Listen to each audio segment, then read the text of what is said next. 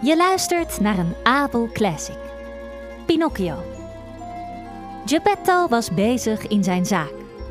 Op een dag kwam er iemand langs en gaf aan de oude schoenmaker Geppetto een erg bijzonder stuk hout. Hij keek ernaar en besloot om er een prachtige houten pop van te maken. Ik ga hem Pinocchio noemen, zei hij tegen zichzelf.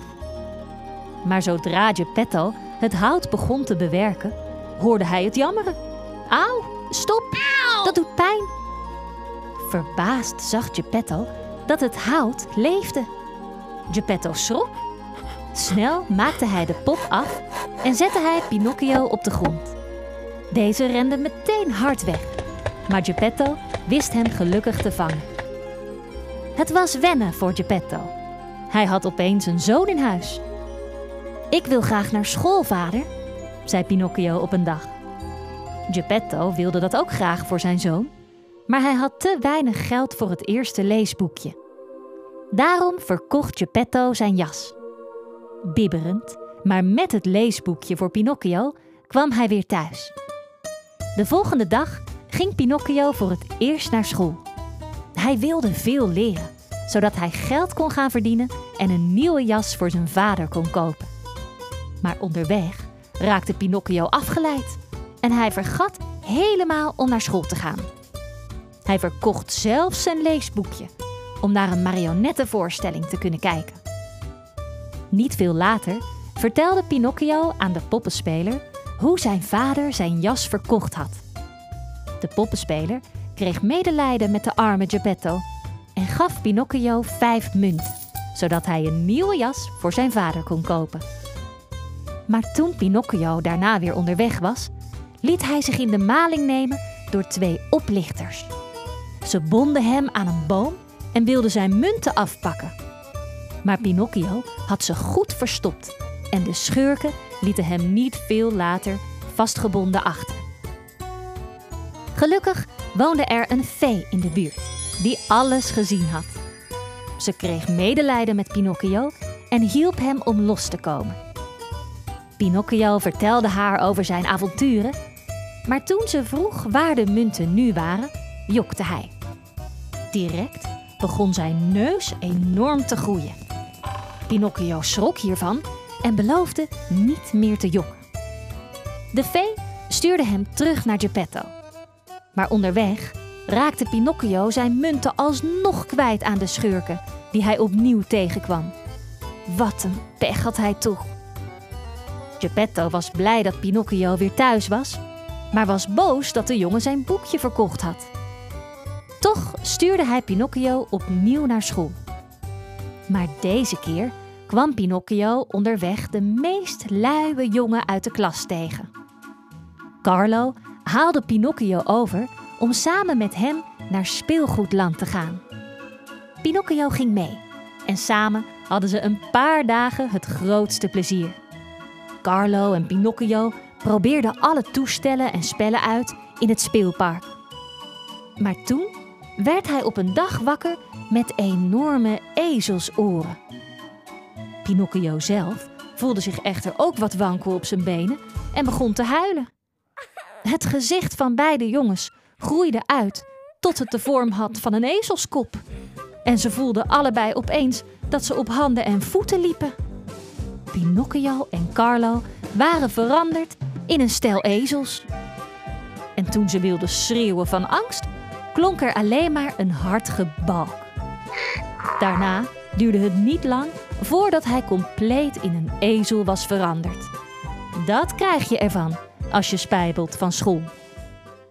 Carlo werd verkocht aan een boer en Pinocchio aan een man uit het circus, die hem kunstjes leerde die hij ook zijn andere dieren had geleerd.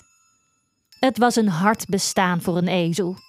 Ze kregen de hele dag niets anders te eten dan hooi, en toen dat op was, kregen ze stro. En dan werden de nodige klappen met de zweep uitgedeeld, tot Pinocchio ook de moeilijkste kunstjes helemaal onder de knie had. Toen hij op een dag door de hoepel sprong, struikelde hij en werd hij kreupel. De man riep de staljongen. Een kreupele ezel is waardeloos, zei hij. Neem hem mee naar de markt en verkoop hem tegen elke prijs. Maar niemand wilde een waardeloze ezel kopen. Toen kwam een mannetje langs dat zei: Ik wil hem wel voor zijn huid, want die kan ik gebruiken als vel voor de grote trom van ons muziekkorps. En zo ging Pinocchio voor een paar stuivers over in andere handen en hij balkte hartverscheurend toen hij hoorde welk afschuwelijk lot hem nu weer trof. Op een gegeven moment was Pinocchio in de zee en had moeite om boven water te blijven. De vee hoorde Pinocchio roepen en toen ze zag dat hij bijna verdronk, stuurde ze een school grote vissen op hem af, die al het ezelsvlees wegaten en alleen de houten Pinocchio overlieten. Toen de vissen niets meer te knabbelen hadden, voelde Pinocchio opeens hoe hij naar boven gehesen werd uit het water. De man die de ezel had verkocht, keek met open mond van verbazing naar de levende houten pop, die spartelend als een aal aan het touw hing in plaats van de dode ezel. Mopperend maakte de man het touw om Pinocchio's benen los. Pinocchio trok een gezicht tegen de man en dook in zee. Een poosje later was hij nog maar een stipje aan de horizon, waar hem het volgende avontuur alweer wachtte. Uit het water achter hem schoot een reuzenhaai naar boven. Dodelijk geschrokken keek Pinocchio naar de wijd opengesperde kaken en probeerde zo snel hij kon weg te zwemmen. Maar het monster achtervolgde hem. Radeloos zwom de jongen een andere kant uit, maar tevergeefs. Hij kon niet meer aan de haai ontsnappen. Spartelend in het zeewater werd hij de grote holte van de bek van de haai binnengezogen. En een ogenblik later werd hij samen met een school vissen doorgeslikt. In duizelingwekkende vaart suisde Pinocchio door het keelgat van de haai naar zijn maag, deinend op de sloten water die de vis dronk. Toen Pinocchio van de schrik bekomen was, was het donker. Boven zijn hoofd hoorde hij hoe de reusachtige kieuwen van de haai open en dicht gingen, open en dicht. Op handen en voeten kroop hij naar beneden langs iets dat aanvoelde als een glooiend pad, terwijl hij zachtjes riep: Help, help, is er niemand die me kan helpen? Plotseling zag hij een lichtje in de verte. En toen hij dichterbij kwam, zag hij dat het een vlammetje was. Hij kroop verder tot. Vader, bent u het? Pinocchio, mijn jongen, ben jij het echt? Huilend van blijdschap omhelsten Geppetto en Pinocchio elkaar en tussen het snikken door vertelden ze elkaar hun avonturen. Geppetto vertelde Pinocchio hoe hij in de maag van de haai terechtgekomen was. Ik was op zoek naar jou, jongen. En toen ik je niet kon vinden op het land, ben ik in een bootje gestapt en de zee opgevaren. Maar de boot sloeg om in de storm en toen heeft de haai me opgeslokt. Gelukkig heeft hij ook wat spullen doorgeslikt van schepen die schipbreuk hadden geleden en daarmee heb ik het tot nu toe overleefd.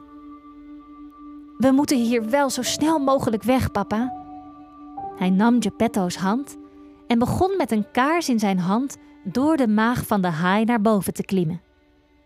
Toen ze in de buurt van zijn grote bek waren gekomen, werden ze bang, maar gelukkig sliep de haai met zijn bek wijd open, want hij had last van benauwdheid. Dit is onze kans om te ontsnappen, fluisterde Pinocchio. Even later plonste ze uit de bek in zee en de jongen zwom met Geppetto op zijn rug zo vlug als hij kon weg van de haai. Op het strand stond een oude hut, gemaakt van takken, en daar vonden ze onderdak. Geppetto had koorts gekregen en Pinocchio zei: Ik ga melk halen.